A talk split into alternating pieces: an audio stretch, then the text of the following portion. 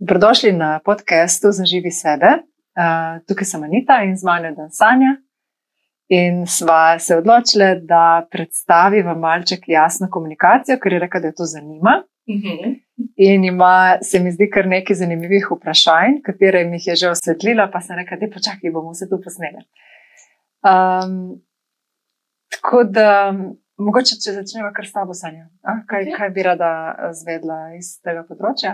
Uh, v bistvu bi najprej začela s tem, kaj sploh je jasno, oziroma nenasilna komunikacija. Ne? Uh -huh. Sploh ta nenasilna, ker se mi zdi, da tako pol, ne vem, da ta prva predstava, ki jo dobim, je. Aha, pa to pomeni, da, vem, da se ne dereš v pogovor, naprimer, ali pa da ne uporabljaš nekih grdih besed. Um, ja, ok. okay. ja, kaj bi to sploh bilo? Pač prva stvar. Ok, okay štekam. Ja. Uh, Mrzikdo je zmeden, ko jaz rečem pač jasna komunikacija, vendar gre za nenasilno komunikacijo po Marshallu Rosenbergu, vendar jaz uporabljam to ime, jasna komunikacija, Mhm. vendar ta sistem je enak sistem. In um, ja, pa mi je všeč, ker si rekel, aj tu sem tu, da se ne dereš, ker doskrat ljudje tako razumejo, Ja. vendar ne, niti približno ne gre za to. Uh, nenasilna komunikacija je v bistvu komunikacija, ki nas uči, kako se povezati s sabo, kako prepoznavati svoje občutke, kako te občutke doživeti in nekako jih uh, predelati osebno. Um, in potem skozi občutke prihajati globje v stik s svojim potencialom, ki jim oni rečejo temu potrebe. Vendar jaz recimo temu rečem um, aspekti zavesti oziroma neke naše kvalitete, recimo ljubezen, varnost, svoboda, mir. To je vse že nekaj, kar mi v sebi imamo. Vendar smo izgubili stik s tem zaradi izkušenj, ki smo jih imeli, doskrat zaradi eh, vem, raznih travm in smo se cepili od čutenja sebe in poznavanja sebe. Um, doskrat zaradi tega, ker živimo v svetu, ki nas ne usmerja k introspekciji, ki nas usmerja bolj na ven. Ne? Uh, zgubili smo stik, ko smo se naučili razne vzorce, ko nismo znali svojimi čustvi, pa nismo dobili informacij, kako, in potem smo jih začeli mogoče tlačiti, marsikaj izmed nas. Um, in v bistvu je nenasilna komunikacija ravno to, no, da začneš prevzemati odgovornost ponovno, ne? ker zdaj pač nismo več otročki. Um, s čustmi smo naredili, kar smo, vendar, če ti tlačiš čustva, v bistvu izgubljaš stik s sabo, ne? se Mhm. ne poznaš, ne veš niti, kaj si želiš pogosto, niti uh, kaj napaja tvoje želje. Um, in je ogromno enih obramb, enih frustracij, projekcij na druge, ki prihajajo iz tega, da v bistvu ne prevzamemo odgovornosti za svoje občutke in svoje potrebe. Ne? Mhm. In ta pristop lih, uh, tu uči, da vse, kar se od zunaj zgodi, so neki triggeri, uh, ki vplivajo na nas na tak način, da pritisnejo na notranje zadeve. Se pravi, če nekdo zakriči, recimo name, ne, um, se bom mogoče počutila lahko užaljena, nekdo drugi bo jezen, nekdo tretji bo razočaran, neodvisno od kakšen odnos je. Se pravi, ni res, da je ta zunanji vpliv kriv, ne, da skratka, če ti si kriv, ne, to sploh ni res, ne, ima tudi odgovoren ni za direkt za moje čustva. Meni se vedno sproži samo tisto, kar je tam od spodaj nekako bilo. In meni je všeč pri nenasilni oziroma jasni komunikaciji to, da spoštuje vsa čustva, da so vsa čustva ok. Ja. Ker nekako smo se naučili, da aha, ne smeš biti jezna, ne, če si punca preveč, Mhm. Uh, če fanti, fanti ne smejo jokati. In potem nekako kar pričakujejo, da ko pa bomo odrasli, bomo pa vsi znali vsa svoje čustva sprejeti in shendlati. In ni tako, ne, je kar proces, je kar proces, da si jih dovoliš čutiti sploh in da znaš eh, z njimi kaj narediti. Jaz vem, da ko sem se naučila, da, da so vsa čustva ok, da sem jaz ok, s kakršnimi koli čustvi že, mi jih je bilo tudi lažje si pustiti. In ko si pustimo ven čustva, lažje potem tudi gremo pogledati spodaj. Ne? Um, spodaj, kaj pa je pod čustvi? Čustva so na nek način sporočevalci, mm -hmm. samo a delujemo v skladu s svojimi potrebami, globjemi, v tistem trenutku, v tisti situaciji, ali pač ne. ne? Če, če damo primer, recimo, če nekdo zakriči name, jaz bom mogoče, kaj bi jaz čutila. Ma, če je nek tak bližnji odnos, razočaranje, po mojem. Ker mi je pomembno spoštovanje, se pravi, moja globja potreba je spoštovanje potem od spodaj. Pa bi pa se, se vprašala, kako, recimo, kaj, kako se pa mi zavedamo, kaj so naše potrebe in vrednote. Ker jaz vem, da sama pri sebi sem imela ful veliko težavo. Tudi. Uh, ker je bilo enkrat neko, nekaj sem rešila in bilo neko vprašanje, pač, kaj so tvoje top tri vrednote. Nismo vedeli, kaj so vrednote. Jaz sem mogla googlati, Mhm. kaj so lahko vrednote. Um, tako da, kako pa recimo mi prepoznamo, kje je tista pač potreba, ki jo želimo zadovoljiti? Kako bi lahko našla? Ja. Um, ej, jaz se, se tudi najdem v tem klubu, ker nisem vedela, sploh prvič, ki niti kaj čutim. Uh, prav za res, mm -hmm. uh, in drugič nisem niti. Kaj, kaj sploh rabim, kaj mi je sploh pomembno. Tam nisem nikoli razmišljala, vedno sem se znala samo z drugim ukvarjati, tako zelo ja. sem pobrala. In tako, marsikaj, ki pride na delavnico, je na podobnem. Mm -hmm. Zato sem jaz um, se naučila, da kar dajem uh, en spisek. spisek občutkov najbolj pogostih, pa potem najbolj pogostih teh uh, globih potreb, kvalitet, vrednot, kako koli temu rečemo. In jaz sem s tem spiskom tudi začela. Mm -hmm. Zdaj, um, kaj pomaga, je, da jačemo zavedanje sebe, da se pač toliko krat vprašaš, mi, ko delamo tle vajo, dejansko gremo s pozornostjo vase smo pozorni, kaj se dogaja v nas in pravimo odpreti srce in pogledati od spodaj, okay, po čemu zdaj hrepeni, uh mhm. -huh. kaj po čemu hrepenim. In tako poiščemo potem potrebe. In potem rečeš, ok, po čemu hrepenim in grem pospiraš po spisku. tako zdaj je zdela, dosti časa, ker mi je pomembna svoboda v tej situaciji.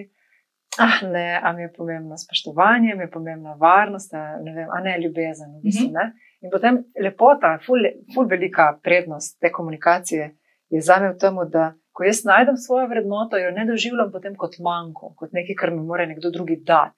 Uh mhm. -huh. Ker mi v bistvu ne more dati, ker jo že imam. Stvar je samo tam, da sem izgubila stik, ker sem se izgubila na poti, v mhm. občutkih, uh -huh. ponavadi, ko smo jih potlačili, se tle izgubimo. In nimam več poti, kako priti do potrebe. Vendar, ko najdem potrebo, se potem na njo odprem kot nekaj, kar že je in, je in je moj potencial, je moja živost in je v meni ta ljubezen.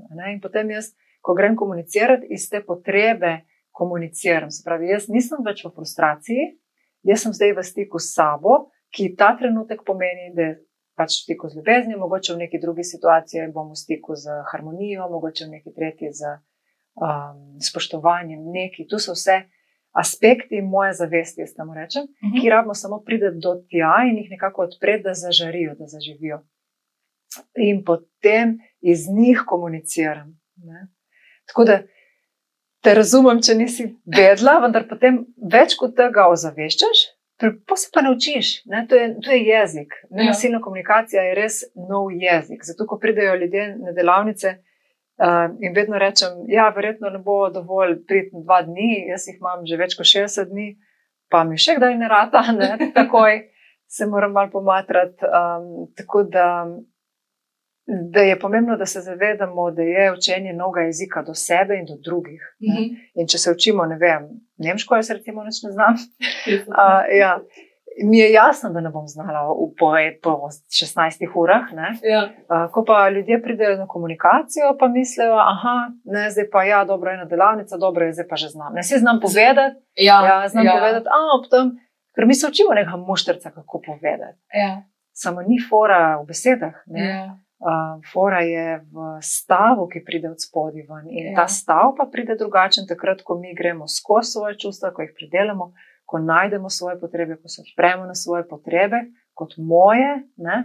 In potem iz te energije gremo do človeka in rečemo: Le, veš, ob tem, ko vidim, da se je to zgodilo. Ne, mm -hmm. ne ti si naredil, kaj nisi, ja, ti ja, si ja. pač reagiral iz svojih potreb, tudi ja. drugi imajo svoje potrebe.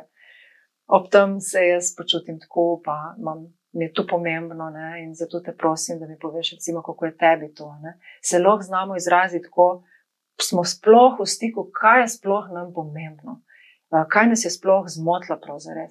Tako da začetka se marsikdo poslužuje tega formularja, potem pa preprosto pride to tvoj način izražanja in ne rabiš več govoriti v štirih korakih, čeprav se jih učimo. Pač govoriš o sebi, govoriš o svojih občutkih, o svojih potrebah, takrat, ko ti je pomembno. Se tu ne zdaj za vsakih pet deksira tam, ko greš. Včasih malo pretiravajo začetka, veš, eh, vsaka stvar potem po nenasilni komunikaciji. Ni, z mojega vidika ni tu fora. Eh, je bolj tako, no, da znamo v konfliktih, da znam z ljudmi, ko so mi blizu, se izraziti, ker če se ne izražamo, se ustvarja distanca. Mm -hmm. Če pa se, sploh če se ne nasilno, malo bomo pa tudi povedali, kaj to pomeni. Ne? Mm -hmm. ne samo, da ne kričimo, v bistvu nenasilno je, da jaz govorim o sebi, o svojih občutkih, svojih potrebah in se zavedam, da oseba na drugi strani ima tudi svoje občutke in svoje potrebe in iz njih deluje. Mhm. Ne zato, ker bi hotela meni nekaj slabega, ali pa tudi, če bi hotela ali pa hotel. deluje iz nekih svojih potreb. Ja. prestano delujemo iz svojih potreb, samo nimamo zavedanja o tem. In če se zavedamo potrebe, lahko zberemo drugačno strategijo. Strategija je pa način zadovolitve. Ne? In izberemo boljše strategije, ne? in smo bolj lahko potem ohranjamo stik s sabo dlje. Se pravi, če imam jaz potrebo po miru, je meni fajn strategija, da gremo v naravo, recimo, uh, vendar če pada dež, je ta mir lahko tudi samo, da sedim na kavču, pa gledam recimo oblake. Ne, nekomu drugemu bo pa ta mir čist nekaj drugega. Nekdo čuti mir, ko popravlja a veš. Imamo različne strategije za Ja. zadovoljiti te potrebe. Ne? Uh, Pri meni so recimo v bistvu začeli potem, ko, ko sem enkrat začela prepoznavati svoje občutke, sem se naučila, kako bi si zastavljati projekcije. a. Ker prej je bilo vsakeč, ko sem bila trigana, da tako, ja, pa zato, ker je ona, pa ona naredila to, pa to, pa to. Ne? In Aha, pol je šla pozornost na njih. Ja, ja. in potem začneš ne. ono, ok, v redu. Um, v bistvu ni res, ne. In pa je bilo najprej tisto, ok, kako se jaz počutim, zdaj pa tako, valjda, če si happy, pa vas vesel, to je v redu. Ja, tudi takrat so neke potrebe zadovoljene Ja. in jih je fajn prepoznati, ker polje. Ampak, a veš, negativne Ja. emocije so pa nezaželene, ne? in to je bilo tisto, kar je bilo potlačen. Ja. In pa je bilo treba najprej prepoznati, kako se pač počutiš. Zdaj pa nekaterim se mi zdi, da je že to izziv. Sploh ne vejo, ne vem, vprašaš, kako se pa počutiš in odgovor, ne vem, Ja. tako, dobesedno ne vem. In jaz sem v bistvu začela s tem, da uh, na mestu bi dala pač imena čustvom, sem začela tako najprej prepoznavati, kje v telesu sploh čutim nekaj. ja, se tudi mi tako začne. A je to ja, neka stiska Ja, ja, v prsih. Um, in potem, sem, in glih to, ne, sem pa enkrat tako pač predihala, ko sem se res v to poglobila, pa je pa začela, ok, ne vem, najprej je mogoče žalost, ali pa jezo, na primer, a ne. Mhm. Pa pa začneš to izražati, ampak je ni tisto, ja, ti si kriv, da sem jaz jedla, ampak je tako, no, ne vem.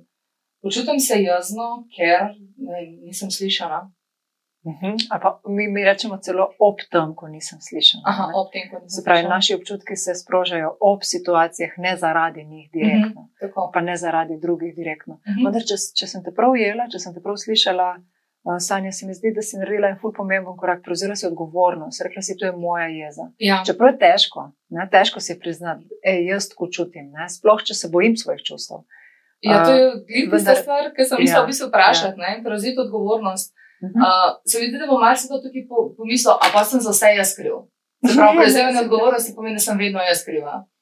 Ja, to, to je tu- tudi v terapijah mi doskrat rečejo. Ne? Uh, ne, ne bom jaz odgovorna za svoje stvari, ki potem se kriva. Ne gre, odgovornost ni niti približno krivda. Se pravi, uh, če jaz prevzamem odgovornost zase, um, pomeni z mojega vidika, da prevzamem tudi nazaj svojo moč, da postanem bolj ustvarjalec svojega življenja. In s tem, ko jaz prevzamem odgovornost, rečem, ok, to je moje, tu lahko spremenim, Mhm. Ko pa uh, to odgovornost poribam na druge, doskrat tako, da govorim, da so oni krivi, da morajo oni se spremeniti, da morajo oni nekaj narediti, da bo meni lažje, takrat pa jaz v bistvu moči nimam ja. Ja. in jim dajem moč. Medtem ko krivda je pa samo čustvo, eno izmed čustev, ki se ponavadi vklopi takrat, ko imamo enega notranjega sodnika, ne? nekaj naredimo in zraven imamo enega sodnika, ki to sodi, ki ni v skladu z mogoče z našimi vrednotami, kar smo naredili ali pa kar se dogaja in je občutek krivde. Ne? Tako da ni zamešati tle eh, banane in, in jabke. ne. Um, in se mi zdi ful dobro, da si to vprašala, ker dosti ljudi meša, ne, odgovornost je krivda. Ne. Jaz tudi hčerki sem doskrat rekla, ker sem videla, se, se počutimo krivi, nekaj Mhm. naredimo in, in občutek je krivda. Ne. In potem um bo rekel, jaz sem kriva. In uh, sem se trudila, da sem mi večkrat rekla, sem rekla, lega, nisi ti kriva, nič, si pa odgovorna za to, kar se je zgodilo. Ne. In kaj je tle? Moč ostaja, kaj boš naredila, da boš lahko to spremenila. In potem ne začneš doživljati, da je s tabo nekaj narobe, bolj lahko čutiš, da je nekaj tvoje vedenje, Mhm. nekaj je pa tu, kdo ti si. Ja. In ko ljudje tu razločijo, lažje začnejo prevzemati odgovornost za res zase. Ker kaj se doskrat zgodi? Če smo odraščali v takem okolju, ko so starši v bistvu projicirali precej svoje odgovornosti na nas, Ja. in to se doskrat kaže tako, da je otrok poln krivde, Mhm. pa sramu, pa ne vem česa, preveč enih občutkov, ki jih ne zna handlati. Um, potem začne na nek način bežati od zares prevzema odgovornosti zase tako, da prova prevzemati odgovornost za druge in se ukvarja z drugimi, in prova drugim pomagati, in prova druge rešiti, in prova vse narediti, samo ne pa se ukvarjati s sabo in prevzeti odgovornost za svoje občutke. In to je v bistvu eden od obravnih mehanizmov, ki jih ljudje doskrat um, ne vidijo sploh kot nekaj slabega, ne? Ja, ja, ja. vendar slabega, kaj je sploh slabo. Ne? Vendar koristi tej osebi tu gotovo ne, mm. ker v bistvu svojo moč razdaja okrog, namesto da bi se povezala raje s sabo. Ne? Ali pa s tem, da v bistvu so vedno, ko se vse drugo, drugo krivi. Pač ja, ja, so ostale posebej. Vedno pri račun, ja. vse, ti bo, vse ti bo naredil, ali pa naredila sem pol, da biš račun. Veš, jaz sem tu, pa tu, pa ti si tu kriv, pa ti si ne. Ja. Prava kriv, da potem poriva to, koliko jo noče sprijeti. Ampak meni je to, recimo, tako, mislim, po svoje fascinantno, tako, no, zakaj ne bi raje razmišljal v tej smeri, kaj pa ti lahko spremeniš? Ker na koncu ima se, če prevzameš odgovornost, ok, jaz sem pač to je moje, to ne pomeni, da sem za celotno situacijo jaz odgovorna. Ne, zase, za jaz sem zase odgovorna, to je to, kar jaz pač sprejemam, ampak jaz lahko to spremenim. Ja, jaz ja, sem na to ja. vplival. Ja, ja, tako pa pač ja, če si pa ti, imam pa jaz vezan na roke, lahko sem pa Boga, to je pa fajno. Ja, lahko pa gremo žrtvo tu pa ja. tudi znamo. O, to smo mi, sem zdi, da smo slovenci zelo dobro razumeli. Ali tudi drugi narodi. Jaz hodim po teh izobraževanjih mednarodnih in to je polno tega. Tako da ni, nismo samo slovenci žrtve. Smo reči, da je karjansko. Pač no. Ja, mogoče imamo mi malce bolj podarjeno. Vidim, da imajo tudi drugi narodi. Zato, ker je pač lažje. Ne? Lažje je, če spet, če izhajamo iz razvoja otroka, pa jaz dosti zdaj tudi travmo študiram. Lažje je v bistvu sprejeti, da si žrtev in iz te vloge uh, živeti, kot pa iz svoje energije, takrat, ki je omejena, ne, majhen mhm. otrok nima dejansko toliko fizične moči, nima toliko čustvene moči, nima inteligence toliko močno razvite, kot je odrasel, recimo do določene starosti. In je lažje iti v nemoč, ker je tu preživetveni stil. Ja. In, in ta žrtev je doskrat ena taka preživetvena strategija. Demo se narediti majhne, da bomo lahko prišli čim lažje skozi, zato ker biti velik je, je grožnja. Sem se res ne zavedamo, kako v bistvu naša komunikacija tudi z otroci pač vpliva na to, ker Jaz vidim primere iz odraslega življenja, ko so ljudje enostavno nezmožni prevzeti kakršno koli odgovornost. In videla sem pa tudi situacije, ko so se pogovarjali z otroci in mi je bilo prav jasno, da je to vzrok posledica. Ja, ti si kriv, le kako se obnašaš. Ja. Ampak, veš, vse šlo pa na sodbo, kakšen je on kot oseba, ta otrok. Ja, Skočem, ne, pač naredil si neko napako, sorry, izrazu, shit happens, pač v ja, redu. Ja, ja, Razložimo, da, da dejanje ni bilo v redu in zakaj. Uh mhm. -huh. To se mi zdi, da so otroci tretirali, da so malo neumen. Uh, razen, kadar ti rabaš, da so pač odgovorni, tiste, ki ti popolni. Ja, pa ker pozabiš, ja. da so otroci. Ja. In pa kaj, kaj se zgodi, začnejo bežati in začnejo, ja, ne pa on je pa to, on je pa to. Ampak to ni zgodilo, to, to te spremlja v odraslo dobo, dokler ne zavesti že tako malo. Ja, ok, ne, mogoče pa ni čisto. Ja, nažalost je tako, da če je odrasel, ni zares odrasel, pa ne govorimo fizično, ja. govorimo čustveno, mentalno. Če ni odrasel, potem projicira um, tega svojega otroka v stik s svojim otrokom, kar pomeni, da mora odraslo vlogo prevzeti otrok, ki jo pa ne zmore prevzeti. Ne? Ja. Potem zelo hitro odrastejo in provajo um, igrati razne um, mame in očete ali svojim staršem. In spet ne krivim generacij pred nami. Ej, to je verjetno ponavljajoča zgodba. Ne? Ta mama je enkrat bila tako enak otrok. In jaz rada rečem, da so generacije pred nami poskrbele za te uh, materialne stvari, da večinoma dan danes nismo ne lačni, ne, um, ne nam ne manjkate čisto osnovne dobrine večini in smo lahko hvaležni generacijam pred nami za ta čustven del, pa, pa preseganje nekih travm, pa vzorcev, pa to, pa se mi zdi, da so naše, naše generacije šele začele. Ne? Ja, res je. In je pač pomembno, veš, kako si dobil, lahko rečeš, ok, zdaj je moje, to je tudi prevzemanje odgovornosti. Ja.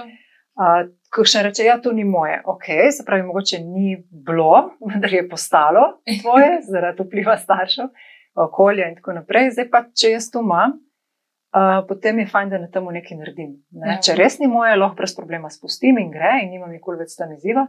Če pa mi nekaj koli pritiska, pa je moje. Ne? In v odnosih starši, z otroci, s partnerji, v bistvu vse te uh, rane zakrvavijo spet, zato pa je tako zahtevno. In um, nenasilna oziroma jasna komunikacija nam pomaga lih tu, več spoznati sebe, prevzeti odgovornost, se vrniti na noter, predelati svoje izzive in potem pride v komunikacijo z, ne, z neko drugo energijo uh mhm. -huh. in pomaga, če tisti drugi osebi, da jo lahko slišiš na tem nivoju, na ja. nivoju občutkov in potreb, ne na nivoju tega, kar iz bolečin ta človek izraža. Uh -huh. um, trije stebri so nenasilne komunikacije. Eno je samo empatija in za me je tu deblo drevesa. Ne? In potem je izražanje, pristno izražanje, ena veja in druga veja, empatično sprejemanje, da jaz lahko z empatijo sprejmem tistega drugega človeka da vidim občutke in potrebe, tudi če mi reče, da sem ti si en kreten. Ne? Um, jaz uspem videti, da mogoče zdaj čuti frustracijo, ker se dogaja nekaj, kar ni v skladu s potrebo, ki jo ima, mogoče po vrednosti, prepoznanosti, ne vem, kaj ima. Ne? Mhm. In ni, ni analiza. Ne? Jaz potem vprašam, ne, le, ti, okay, se pravi, ti ni to ok, mogoče si tu želiš in zdaj ne gre v skladu s tabo. V bistvu gre za to, da jaz človeku provam pomagati, da se bolj odpre, zato ker imam jaz odprto srce. Uh -huh. Moj namen ni ga nekaj naučiti, To je razdiralni jezik, to bi uh -huh. lahko enkrat tudi posneli, kaj vse je razdiralni jezik, pa ga mi v bistvu uporabljamo non-stop, primerjanje, analiziranje, pričakovanje, nadmoč. Ne, ne gre za to, gre za to, da mi resnično marte slišati, ker se zavedam, da, da je to biti zdaj v stiski in da, da, izraža, da izraža v bistvu nekaj lepega, svoje uh -huh. potrebe, samo indirektno. Kaj recimo, če bi se to skozi konstantno ponavljalo in ti gotoviš, da ti ni v korist? Bi bilo potem v sklopu jasne komunikacije tudi to, da pač potem neš jasno me in rečeš, oprosti, ampak enostavno ja. ne zmore več komunicirati s tabo, ker vidim, da ne pridemo nikamor. Ja, seveda. Ej, meni je to ogromno pomagalo, predvsem pri pr, eh, pr stiku s sabo, kot pravim, pa pri sprejemanju drugih, tudi pa sebe, pa tako umanjenih triggerjev, res je, res je lažje živeti. Vendar eh, nenasilna komunikacija je izbira. Mhm. Jaz se včasih tudi odločim, da jo ne uporabim lahko. In tudi uh, se pravi, da če vidim, da ne gre čez, da, a pa iskreno rečeno, če mi je odnos ni tako pomemben, ja. se ne bom potrudila, ker, zakaj bi se? Ne? Ker dejansko rabiš fokus, energijo, se odpreti, biti ranljiv, najprej ti, da potem lahko drugi te nekako, da se srečaš z drugim v tej energiji. In za vsak odnos, mogoče tudi se ne bom potrudila. Ne? To je ena stvar. Um, druga stvar pa tudi. Um, Nenasilna komunikacija ni prijazna komunikacija. Tako da se mešajo, veš. Ja. ja, to pomeni, da si prijazen. Mah se jaz sem že prijazna. Rosenberg je rekel, da so prijazni ljudje dejansko najbolj nasilni. Zaradi tega, ker tlačijo mhm. svojo energijo, uh, svoje želje, svoje potrebe na račun, da bojo prijazni, ja. in potem enkrat vseka ven s pasivno agresijo ali pa z direktno agresijo, ker pač ne znese, dvigne pokrov. Tako da ne, to ni prijazna komunikacija. To je iskrena, pristna komunikacija, ki govori bolj iz srca, kot iz uma. To je najbolj. In um, tudi nenasilna komunikacija ima nasilna raba sile, rečemo. Uh, oziroma, zaščitna, pardon, zaščitna raba sile. V primeru, ko moram zaščititi sebe, svoje življenje, svoje vrednote, lahko tudi postavim mejo malo bolj ostro, oziroma če se da v primer, ne vem, otrok teče po cesti, pa gre, vidiš, da je na avto prehaja, Sveda ga boš primil, pa ga boš potegnil. Boš, ja. ob tem, ko vidim, da gre avto, imam malo strahu, ne, ker mi je pomembno tvoje zdravje. A priješ prosim nazaj, ne, halo, ne, ne. Uh, pa ti ga potegneš nazaj in se pol pogovarjaš, ne, glej, kako sem se strašila, veš in tako naprej. Ne. Mi je pomembno tvoje zdravje, zato da vas zmen za drugič. V glavnem, um, ali pa kako se to dela, ali pa kako se ne dela. Ne. Um, tako da, ja. Jaz rekel, da je pasivna agresija. Ne. Se pravi, da pol jasna komunikacija v bistvu niso samo besede, ampak je tudi naše vedenje. Ne pa zdaj, če naprimer, ja. jaz grem na neko ignoranco, um, je to potem isto, ne? Ja, kršitev. Ej, tako, um, principe jasne, jasne nenasilne komunikacije se da ful lepo zapakirati tudi kot eno čisto manipulacijo, če sem iskrena. Mm. Če ti ne proza res predelaš čustev, če ne prideš v stik s sabo, če ne prideš v drugi prostor, sebe, jaz tam rečem, v srce, v ranljivost, v odprtost, v pristnost. In samo nekaj govoriš, bla, bla, bla, tako započutim, da se čuti energija, ki je od spodaj, in doskrat bo tista oseba na drugi strani reagirala na ta del, ne na besede. Ne? Ker ljudje smo z mojega vidika, kot krene žvalce, kdaj ja. zaznamo dosti več, kot pa naš um sprojecira. Uh, oziroma, sp, sp, um, spro, sproducira, no, ne sproducira, tudi, tudi projicira. Um, Tako da bomo prej zaznali energijo pod besedami, kot pa besede same. Ja. Mhm. Um, in je bolj pomembno, kot kakšne besede uporabljamo, tudi da predelamo svojo frustracijo in pridemo v stik s sabo. Ne? In pasivna agresija je doskrat um, posledica ravno kot, ko tu ne naredimo. Um, ko potlačimo svoje dele, uh, ko ostajamo v tem, da je drugi kriv, Ej, vsi imamo tu. Ne? Druge krivimo, primerjamo, analiziramo. To so aspekti našega uma, ki mu nenasilna komunikacija reče razdiralni jezik, zato ker ne prenaša stika, prenaša razdor. Vendar to smo se naučili. cel svet uporablja tak jezik. Tudi če so različni jeziki, v bistvu osnova je pa ta razdiralnost. Zakaj? Ker prihaja iz naših nerazdeljenih bolečin, vzorcev, travm, ne vem česa. In je potem hitro, kar na uni strani, neka obramba. In dokler tega dela ne zares prehendlamo, in tu ga moramo, moramo. fajn, da ga sami, ja. potem so tudi besede lahko totalno brezvezne, če sem ja. iskrena. Um, nima nobene veze, a jaz nekaj lepo vem, ne? če dejansko nima od spodaj podlage, ki bi bila res pristna in iskrena v moji nameri. Ne? Niso toliko besede, kot je namera, ki je od spodaj. Ali je tu, ali je moja namera povezanost, ali se zavedam, da smo enako vredna s tem, zdaj vsak v svojih potrebah, nobene potrebe niso bolj pomembne kot druge. Ali res izhajam iz prošnje, ne iz zahteve. Tu so elementi nenasilne, jasne, oziroma jasne komunikacije. Ne? Um, besede pač, ja, nekaj se rabiš naučiti, da, da, da pač poveš.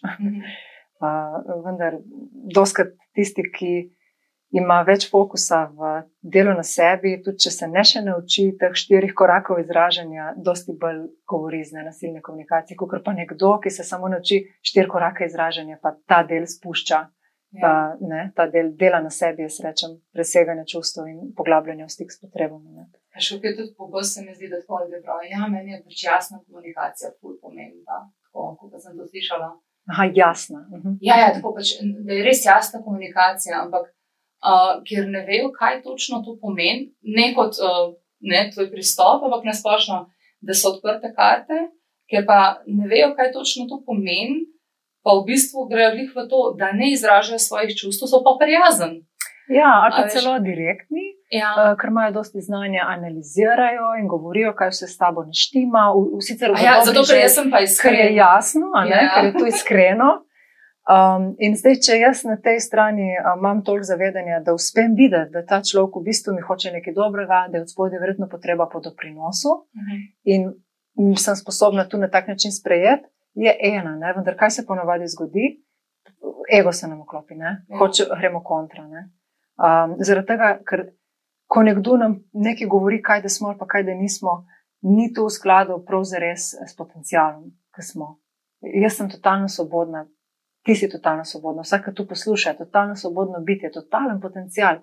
In če mi en reče, veš, ti si pa vilinka, ne, ali kaj že. Potem moj potencial skrči na vilinko.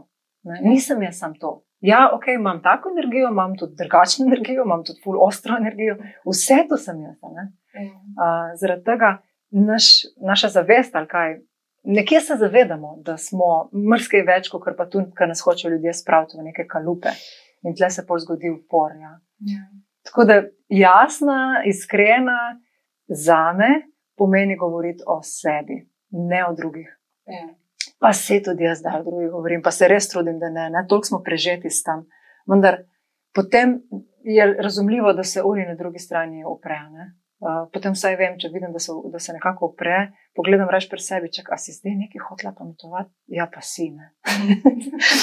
ok, in potem kaj naredim? A se bičem in si govorim, kako sem grozna? Ja, ne, ker ne nasilna komunikacija je ne nasilna tudi do sebe.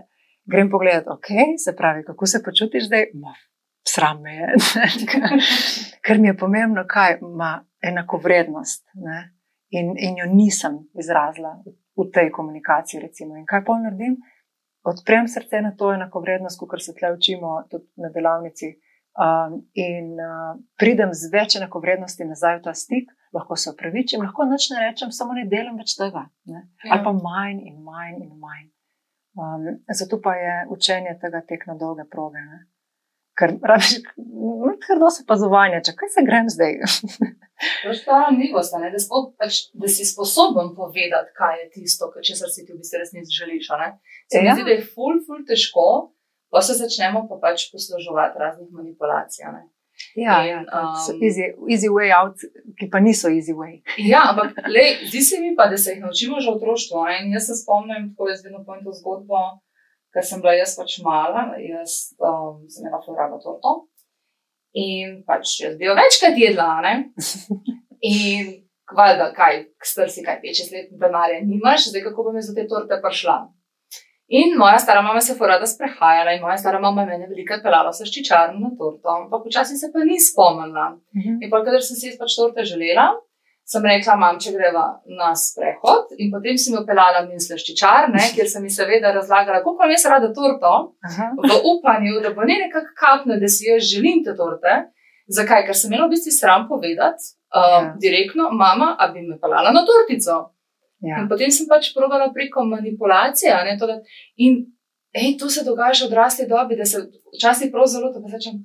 Ok, čakaj, ne, ne, ne, ne, ne, kaj je za to, ki fora, ker kaj, pa pa pri partnerju delam, ne, no, mogoče jaz bi šla v Mehiško, pa mi je težko reči, hej, jaz bi šla pa v Mehiško restauracijo, pa rečem, kaj bi pa ti jedel, pa neče Kitajsko, skačem, hej, Ko pa ne vem, ali pa mogoče Mehiška, ne vem, zakaj rekla, hej, jaz bi šla pa rada v Mehiško, ali pa a me peleš, prosim, v Mehiško restauracijo. A še Ja, gre vse ja. po nekih povinkih, ker nam je več povedati, ker imamo tisti občutek kriv, da, da, da nečesa ne smemo izrasti. Ja, ja, hvala za delitev tvoje izkušnje. Um, ja, te, te manipulacije.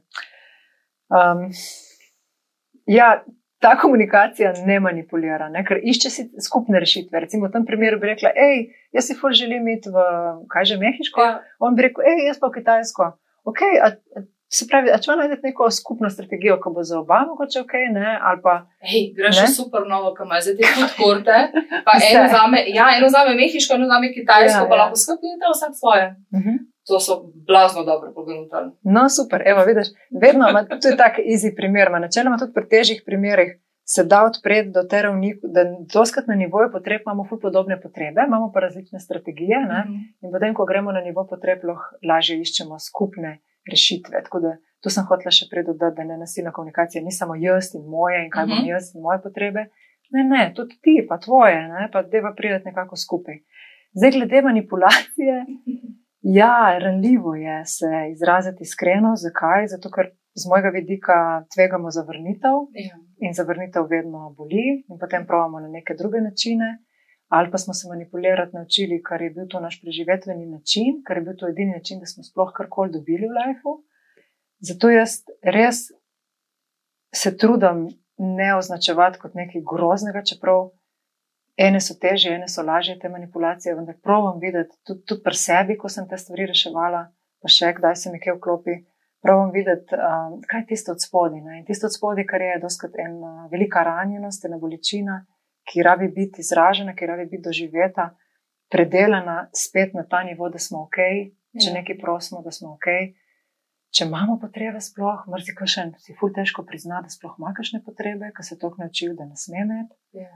Um, pa, um, ja, vendar te stvari potem, veste, veste, veš, veste, ne, ne vem, se ta pogovarjamo s vsemi, ki poslušajo. ma Gre za to, da kaj meni pomembno v odnosih. Ne? Vse ni lahko odpreti srca, pa biti iskren, pa ranljiv, vendar a je meni pomembno odnos poglabljati, pa biti v temu nekako čista, pristna, gola, ne samo posli, gola v, v stiku. Ne? Ja. a mi je pomembno biti um, prepoznana, ne? mi je pomembno graditi neko globino in intimnost, ali ne. ne? Vendar, če mi je, potem ne bo šlo drugače, kot da odprem se na tej globini. Ja. Um, in se mi zdi, da marsikomu v odnosih riba po domače, ravno zaradi tega, ker bi si želeli tak odnos, niso se pa pripra- pripravljeni odpreti na tak no- odnos Mhm. ali pa presežti ovire, ki jih imamo. Jaz ne poznam nobenega, ki jih ni imel Ja. eni delamo na tem, eni ne, vendar načeloma imamo vere na poti do tega, da bi se res lahko tako odprl, pokazal, ne? ker je zelo ranljivo, kaj pride. Pa imaš pa jasno Ja. komunikacijo do sebe. ne, Ker odpreš se lahko takrat, ko Yes. pač imaš. Ja. Najprej do sebe.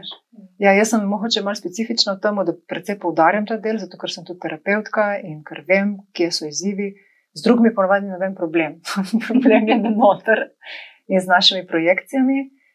In ko jaz te stvari predelam, tudi drugo osebo čist drugače vidim in um, je res pomembno, da se vračamo k sebi, ne kaj lahko jaz dam, kaj lahko jaz prenesem v ta stik, v ta odnos. Mhm. Ja, svojo odprtost, svojo iskrenost, svojo pristnost. In nekdo drugi prenese svojo. Ne? In potem tle se lahko najdemo in tle se ena globina zgodi. Um, če pa prihajam s svojimi bolečinami, pa ok, si vsi pridemo s svojimi bolečinami, vendar če Mhm. prihajam in ne mes, da bi s tem kaj naredila, če samo krivim unga drugega, je pa potem ponavadi konflikt. Ne? Konflikt, konflikt na konflikt, počasi se oddališ, počasi ti gre bolj in bolj na živce. In pa se vprašaš, če kaj zdaj delam, gremo z enim drugim. In potem je isto.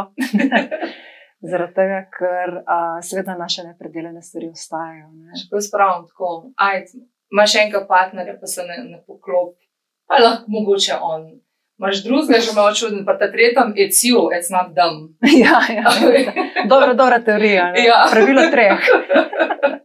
Ne si ne rečem, da potem, če si tako, kaj še ne reče, ja, kaj pol, pol ti vsak lahko ok, če tako vidiš, če vidiš potencijal v človeku, če vidiš srce.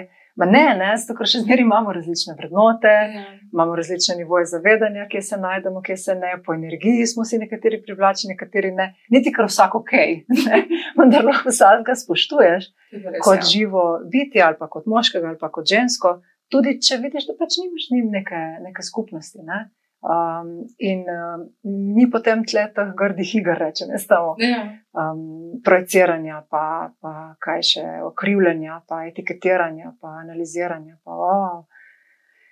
In nažalost uh, je v odnosih doskrat tako, da se najprej tu klopi. In se mi zdi, da je en, dva zrela posameznika, rabta, potem se zavedati, da ja, naj bolečine bo prišle ven, vendar vsaj vemo, le jaz bom za svoje handlala, ti, da je svoje, ne.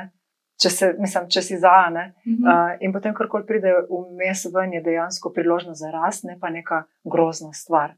Sam problem je, ker ljudje to ne vzamejo tako, vzamejo kot problem, kot Ja. problem in rečejo, ta človek je slab ali pa čuden. Ja. Hkrati se pa niti ne zaveda, da v bistvu projicira, ne, kakšen ta človek je. Ne. Svoje to. filme dajemo ljudem. Ne. Pa imamo pa še v bistvu tako, jaz samo rečem, potrošniško mentaliteto, ki je pač lažje nekaj odvreč, kot pa popraviti. Ustrajati, ja. oziroma ustrajati, in potem greš agent v novo zvezo in se ti ponavlja, in pa imamo ta pravila treh. in, ampak res, ko bi se moja kolegica to še boljš povedala. Rekla, veš, če se voziš po avtocesti, pa greš ti v eno smer, vsi ostali avtomobili grejo po drugo smer. Da se vprašaš, kdo je tisti, ki vozi v napačno smer? Ti ali vsi ostali? Ja, čeprav moja izkušnja je, da, da doskrat tudi vsi ostali. pa ne zato, ker bi mi tu ego govoril, zaradi tega, ker pa živi večina ljudi po nekih uh, ustaljenih načinih in potem ti, ko greš malček bolj v globino delati, Si pa uh, čuden. pa svojec. si pa čuden, pa imaš uh, ene, kar nekaj govoriš o njih potrebah ali kaj, kaj je Ja. s tabo narobe. ne. Uh, pa pa vidijo, ne, predvsem takrat, ko so slišani sami, ko njih uspeš slišati, potem pa vidijo neko vrednost v tem. Ja. Tako da, ne vem, malce mal si se pohecala, pa sem uspela uh, slišati ta dela, ne, da Ja. ja. pogledaš pri sebi, ne, tu, tu se strinjam. Ampak res včasih pa vidiš, da, ja, da pač svet vrti se na svoj način ali pa gre v eno smer, pa to ni nujno tvoja smer. In je izziv ostati v svoji smeri, ne, Ja, a, v tem. Vendar, hej, se verjetno bomo mogli počasi zaključiti, vendar meni se zdi, da bo, ko svet se vrti, ne, mm, da bo potrebno več in več in več hoditi na noter Mhm. in predelovati stvari na noter, ker na zunaj se ne bo dalo. Ne. Um, da je že rekel, kao, ta social, social change neki. Um, jaz vedno pravim, družba se spremeni, ko se spremenijo posamezniki v njej. Ne. Uh, in več, ko bomo imeli zavedanja, bolj ko bomo na sebi delali, lažje bomo nekako handeli, kar koli bo zunaj prišlo. Ja. Ker nimamo vpliva na to, kar zunaj prihaja, v bistvu. E, če bi vsak sebe spremenil, Ja, veš, bi bilo to ene spremembe v svetu? Ja. pa, ja dejansko ne. ja. Ker po mojem edina rešitev zdaj je dvig zavedanja. Ne? Na zunaj, kar koli bomo spremenjali, to so samo strategije, recimo, Ja. iz nenasilne komunikacije. Vendar, uh, če niso ozaveščene z potrebami od spodaj, podoskrat so tako. Italijani rečejo inutile, brez veze, ne prenesejo cilja, so samo strategije, ki se ukvarjajo s strategijami zaradi samih sebe. In pa si kakrče po bistvu tisto. In pol hrčkaš neki, Ja. ja. dokler ne poči ventil, kot je mogoče zdaj v dveh letih, marsikomu poči ventil, pa, Ja. pa rečeš, hej, nobene varnosti ni zunaj. Ne, nikoli jo ni bilo. Varnost rabiš od znotraj zgraditi Ja. in potem jo imaš. Ne glede na to, kaj se zunaj dogaja, se lahko na njo nasloniš. Ne? In to smer bo rabilo iti.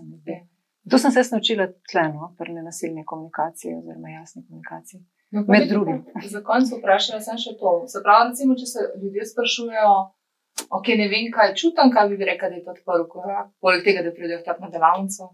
Ej, prvo je, da jaz doskrat rečem jim, dajte roko tle na predel srca, pa bodite samo pozorni, kaj se dogaja v vas. kot smo prej, prej si fulno porekli, jaz včasih to naredim, ne? Ja. ker tako beseda je šele ena tretja stvar. Ko, ko se učimo prepoznavati občutke, zdaj, sam, kaj se dogaja v telesu, ko pomisliš na to situacijo, mm -hmm. ne, seveda nek trigger je. In pol rečemo, ok, pogledajte, a so uh, v plus ali v minus, sicer čustva niso negativna, so samo prijetna ali pa neprijetna. Ja. Vendar, če veš, v katero smer gre, ne, potem lažje naprej iščeš. Ja. In če vidiš, da v bistvu je malo neprijetno, ok, ne, in zdaj pustiš prostor temu čustvu in pogledaš, koliko je močno, ali je full močno, ali je šipko, in spet ti tu da informacija, ali je mogoče, vem, tu en strah, ali jeza, ali pa je mogoče tu ena žalost, ki je bolj šipko čustvo. In uh, ko vse to nekako dobiš, jaz vedno rečem, pravite zdaj samo biti s to energijo. In ko si tam nekaj časa, kako bi dali temu ime. In šele potem grejo na listek in gledajo, da je tu mogoče to, je tu mogoče to, mogoče to. Ker niti ni toliko beseda pomembno, pomembno je biti v stiku s feelingom, pa potem ga še predelati, ja. gremo od tle še naprej, to je samo vod. Um, in vendar, da pa se bolj spoznavamo, je pa fajn, da dajemo besede. Uh mhm. -huh. Ker potem, ko, ko nekako se spoznaš, bolj poznaš, lahko hitreje v situaciji predelaš. Meni lahko nekaj eden reče, pa mi pritisne. Pa, kakšne stvari mi pritisnejo toliko, da ne zmorem. Vendar, mrzikaj mi samo pritisne um, na moj trigger, ne, se ja. pravi, na mojo rdečo lučko, in začutim neko čustvo in ga takoj prepoznam in si ga dovolim, in istočasno, ko si ga dovolim, že zginja in grem že spodaj pogledati, okay, če je kaj pomembno, in se odprem na potrebo, tako mm -hmm. 15 sekund. Ja. Včasih ja. sem rabila za to 30 ure. Uh, vendar potem postane ta komunikacija tudi tako, ne bolj tekoča. Ja. Začetka je pa dosti delan na sebi. Tudi jaz bi tako priporočala, da pravijo sam čutiti biti tam. Jaz sem eno leto zdaj se učim za traumaterapeuta in sem mislila, da bom dobila neke blazno drugačne pristope glede čustev. Ker, ker tu mora biti nekaj full hudega, ne? nekaj mora ja. biti. Jaz sem pa malo razočaran z tega vidika, da že vem, ne, da so ja. oni govorili enako. Čustva rabijo biti doživeta, rabijo biti sprejeta, rabijo prostor, rabimo dati toliko časa ostati z njimi, da se same nekako izrazijo. Kar pa mi naredimo, je zbežimo od njih. Ja. Um nam pomaga zbežati, ker nam je pomagal uh, vedno, obrambni mehanizem. Vendar, kar rabimo, je ostati z njimi in pustiti procesu, da se naredi. In to ni izi, to ni enostavno. Ja. Sam je pa rešitev. Tako da ni treba Absolutno. se na glavo obrniti, pa na levi nogi, pol ali roki stati. Ne, ne, samo bodi s tem, kar je. In to je ja. dovolj in ni najlažje. Vem. ja, ne, vem, um. Glej to, zato ker pač. Um, Zdaj se mi da res, uh, pač folk zbeži, ne, sploh od teh negativnih, kot odmehnika smo vzgajani, pač smo pa recimo punca, ne, jezani za žene, ja. žalostni, ok. Um, in pa v bistvu sedeti, kaj ti čutiš tisti sunk, In je samo na, ok, pa sem dihi, vse sem to ja. rabiš, samo dihati rabiš. In ostatne. Pa bo šlo, ne. Mi pa se po mojem mislimo, da če bomo pač to emocijo dejansko začutili, uh mhm. -huh. da se bo to kar nekaj kaj ne zatakalo, kaj, da, ja, tukaj, ja. da bomo kar v tem ostali, pa se ni možen, sej. Ne, ni. Ej, jaz sem tudi to mislila. Pa polno mojih uh, strank v terapiji, vse rekla, ne bom jaz tudi to si dovolila čutiti, jaz bom tle tri dni. Ej, zaupaj mi, verjemi mi, ja. ne boš, ne, ti ne. bom pomagala ven. In vedno se je tako zgodilo, da ko so se res odprli na čustvo, ne vem, mogoče deset minut, ja. ajde. Vendar je pa res, močna čustva, kot so jeza, bo premalo samo sedeti z njimi. Naj je -hmm. pomembno, mogoče jih stres, um, skakati, uh, ne vem, meni z blazinami to oče, tako, ali pa preklinjati vojn, zapravi, da gre ven. Ja. Naj jeza rabi biti uh, bolj drugače ven. Tudi pač imajo specifike čustva. Vendar spet ostati s tem in jih izražati. Ne? No, moj nasvet je, da greš v avto. Aha. Pač greš res en tako hardcore komat. Iron Maiden. ja, ali pa prejšnji slipnoti, da bomo recimo, da so poloredo. In potem se tam dereš. Recimo, ja. ja. Vendar ne kar nekaj za brezveze, iz jeze. Ne? Ja, ja, iz jeze ja. ja. Ker včasih polkašni grejo, a bom jaz zdaj tako na lep sončen dan, bom jaz zdaj uno jezo predelala od enega tedna nazaj in pa se kar neki derajo. Ja. Ni to fora tega. Ne? Ne, fora je tamo, da si v čustvu, da je trigger še mogoče prisoten da se spomniš na trigger, pa če je še živo, se ti bo spet vklopilo vse. Ne? In ti bo isto izražaš. Ja. V blizino kričati, to je to Floredo. Tudi, ja, sem, ja. ne sme biti preveč prašna. Mislim, ne vem, jaz sem pač tako, res, ker sem imela tudi take momente, ker sem lahko tu polna besa, sem vzela pač svojo blizino in mm. enostavno kričala noter. Ja. Zakaj v blizino? Zato, ker nisem hodila, da sosedje mislijo, da sem psiho. Da, da se ti trgu, da se ti trgu film. In ponovadi pa tako, da sem pač partnerju rekla, hej, samo to, da veš, če slišiš kakšne čudne glasove, pa če skričim v blizino. Ja, znate, tudi vodil, uh, nekaj me je razjezil. Ja. Uh, moram dati to ven in to je to. Ne. Ja, Um, ja. Ej, vidiš, jaz sem bolj gibalen človek, pa sem skakala doskrat, ne, uno, veš, tisto, ja, uh, pravno skakala, skakala, skakala, pa sem v četrtem štuku živel, pa sem šla ene trikrat gor pa dol, v četrti štuk gor pa dol, zunaj jeza, veš. Uh, in se jaz, se jaz procesirala, ja. E, Izziv je, ko se v situacijah vklopi ta naša stara, da temu rečem, potlačena čustva. Aha. Takrat je mogoče, da mu reči, muha preleti, v tebi se pa sprožijo dva slona. Ne? Ja. In če se to zgodi, je potem pomembno, da ne začnemo z umom, da sam muha je. da rečemo, ne, le dva slona sta prišla ven, jaz, yes, zdaj lahko to predelam. In potem s tistimi sloni zhendleš in vidiš, ko jih predelaš, koliko se tu pozna v življenju. Ne? Zato, ker si prej tiste dva slona sigurno enkrat ignoriral. Yep. In pa je bilo vem, enega slona, sta pa dva slona, pa Ja. trije sloni in pa je tako, no, um, ok, v redu, da treba za nazaj spucati. Ja, nabirajo se, ne? Ja. ker so čustva energija in nima kam iti. In pa se mi zdi, da se ti ponavlja situacije, kjer se to sproža in sproža, dokaj pač ne ozavestiš. Mhm. In, ja. Ja. Ampak Ja, nažalost, v razsvetljeni priložnost. ratamo kdaj, tako da umremo. Ej, ne, se da tudi prej, mislim, razsvetljeni, eh, razsvet, razsvet, sploh kaj za me pomeni. Ne, da se pač ja, Osebna rast se konča, da je takrat, ko umremo, prej pa ne. A veš, mislim, kaj, da jaz se čujem se... osebno, zdaj to bi lahko spet nov blok. Jaz se čujem, ločujem osebno rast pa duhovno rast. Aha, V okay. tem smislu, da um, osebna rast je za me bolj povezana s tem, da predelam vso to senco, ta potlačena Ja. čustva, vzorce, travme in tako. In sem jaz kot jaz, kot ego, uh, ok, sama sabo, avtentična. Ja. Uh, potem, pa, pa, potem pa se še tu začne rušiti in ta ego se začne rušiti. Lih si zgradil, si porabil 30 tisoč evrov, kot jaz za psihoterapijo in ne vem se kaj. In potem v bistvu vidiš, da tu nisi dokončno ti. Ne? In, in potem začne ta jaz padati in se začne prebujati subtilni nivo, ki je pa uh, bolj. Um, Kjer pa ne gre toliko več za jaz, vendar je še zmeraj um, napreduješ kot duhovno bitje. Ne? Mhm. Postane pomembno bolj sočutje, uh, ni več to, ta jaz je, je zlid bolj, uh, je mogoče bolj ljubezen, ni več toliko jaz kot uh, Anita ali pa jaz kot Sanja. In tle od tukaj naprej duhovnega razvoja potem še kar neki, ne, subtilni, kauzalni, ne, tudi da se res zavedamo, da smo eno z vsem. No in takrat, ko se res zavedamo, ne ko smo imeli nekaj izkušenj ali pa ko smo prebrali v knjigi, Ja. takrat, ko se res zavedamo, takrat smo kao razsvetljeni, ko se zavedamo enosti z vsem, kar je. Mhm. Vendar to ni niti tako enostavno živeti. ne. O, Uh. Včasih, ko koga tako slišim, ja, vse je eno, la la la, juhu, ok, ne. Potem pa mu rečeš, ne vem, da mi svojo denarnico polče vse eno. Ne? Ja, ne, tu pa ne. Ja, kako da ne, se vse eno. Ne? Veš, nimajo, ljudje imajo izkušnjo, nimajo pa integrirano. Ne? In, in se mi zdi fair, da vemo. Tudi jaz imam izkušnje, vendar jaz nisem razsvetljena. Jaz imam izkušnje razsvetljenja, vem, kako je biti Ja. tam.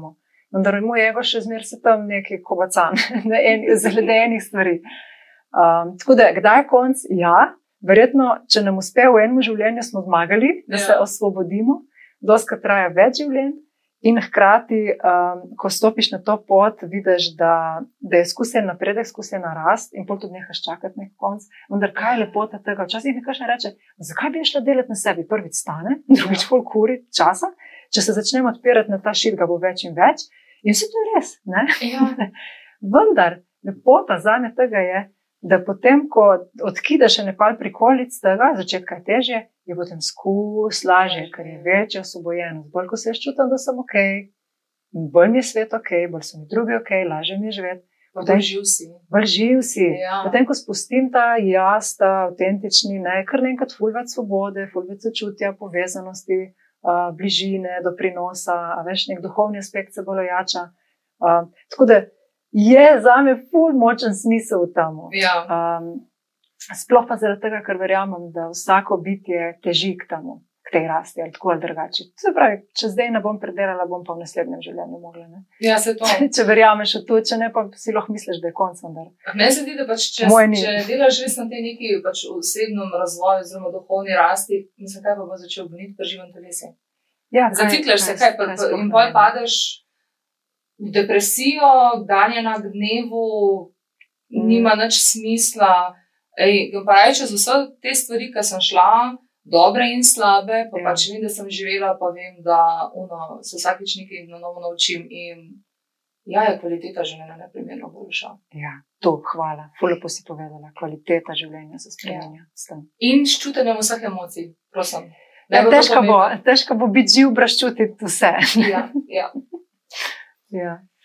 Ej, vidve je bilo debatirale še dolgo, tako da bomo ja. sigurno še kaj posnele. Mi je bilo lepo s tabo, hvala, Sanja. In kaj smo se pogovarjali, da mogoče o depresiji? Ja, jaz mislim, ja. da je to dobra ideja. Da, da se bo mrzkašen eh, prepoznal, ti imaš tudi osebno izkušnjo. Mm -hmm. tako, tako da mi ni problema deliti. Uh -huh, uh -huh.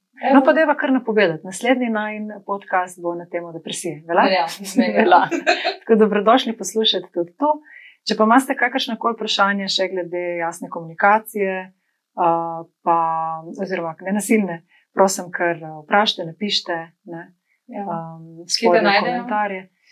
Um, www.osebni pomišljaj, razvoj.si je moja spletna stran, tam je tudi kontakt, pa za mail, pa YouTube imamo, ja. za živi sebe, spletno, nekaj uno že, Facebook stran, pa ni tako me zdaj na Instagramu, glavnem nema, da nema, včasih ja. si rečem, joj, kako je tega račun. tako da, hvala. Ja, hvala tudi tebi.